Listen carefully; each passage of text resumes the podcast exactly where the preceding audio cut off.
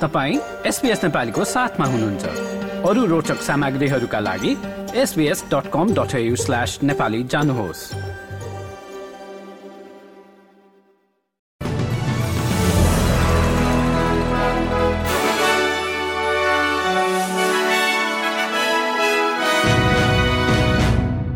नमस्कार आज हो मंगलबार तीन अक्टोबर सन् दुई हजार तेइस र अब पालो भएको छ एसपीएस नेपालीमा आजका प्रमुख समाचार छोटकरीमा सुन्ने। प्रसङ्ग सुरु गरौँ रिजर्भ ब्याङ्कको ब्याज दर सम्बन्धी निर्णयबाट। रिजर्भ ब्याङ्कले यस महिना पनि ब्याज दर स्थिर राख्ने निर्णय गरेको छ। मिसेल बुलकले नयाँ गभर्नरका रूपमा कार्यभार सम्हालेपछिको यो पहिलो बैठक हो।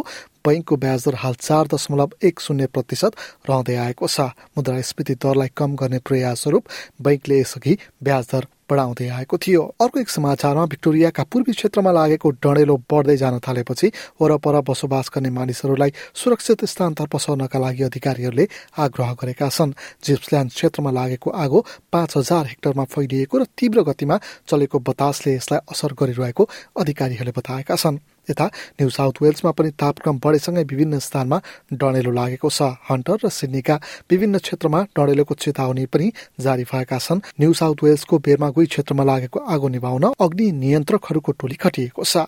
एक अर्को समाचारमा प्रधानमन्त्री एन्थोनी अल्बानिजीले इन्डिजिनियस भोइस टु पार्लियामेन्टमा नो भोटको अर्थ अस्ट्रेलिया अगाडि नबढ्नु भएको बताएका छन्। ताजमेनियामा यस भोटको पक्षमा अभियानमा सरिक भइरहेका प्रधानमन्त्रीले नो भोट भनेको यथास्थितिमा बाँच्नु भएको बताए। विपक्षी नेता पिटर डटनसँगै पर्थमा बोल्दै सांसद जसेन्टा नाम पिजिन्पाले भोइसले अस्ट्रेलियालाई विभाजित गर्ने बताइन्। अर्को समाचारमा चाहिँ अस्थायी भिजामा रहेका शरणार्थीहरूको एक समूहले प्रधानमन्त्री एन्थोनी अल्बानिजीको निर्वाचन क्षेत्रमा रहेको कार्यालय अघि विरोध जनाएका छन्। स्थायी भिजा पाउनुपर्ने माग राख्दै उनीहरूले चार दिनसम्म विरोध कार्यक्रम गर्ने बताइएको छ। अर्को समाचारमा चाहिँ आफ्नो पूर्व पार्टनरको हत्या अभियोगमा एक महिलालाई छब्बिस वर्षको जेल सजाय हुने भएको छ। सन् दुई हजार सोह्रको उक्त घटनामा भिक्टोरियाको सुप्रिम कोर्टले छब्बिस वर्ष जेलमा बिताउनु पर्ने निर्णय सुनाएको हो। अब खेल समाचार एएफएल अन्तर्गत कार्टनका साम वाल्सले एएफएल कोच तर्फको अवार्ड जितेका छन्। तीन खेलमा उनले तेइस भोट पाएका थिए।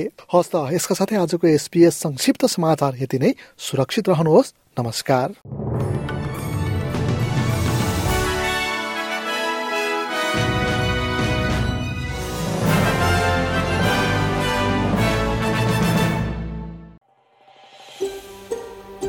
यो जस्तै अन्य प्रस्तुति सुन्न चाहनुहुन्छ?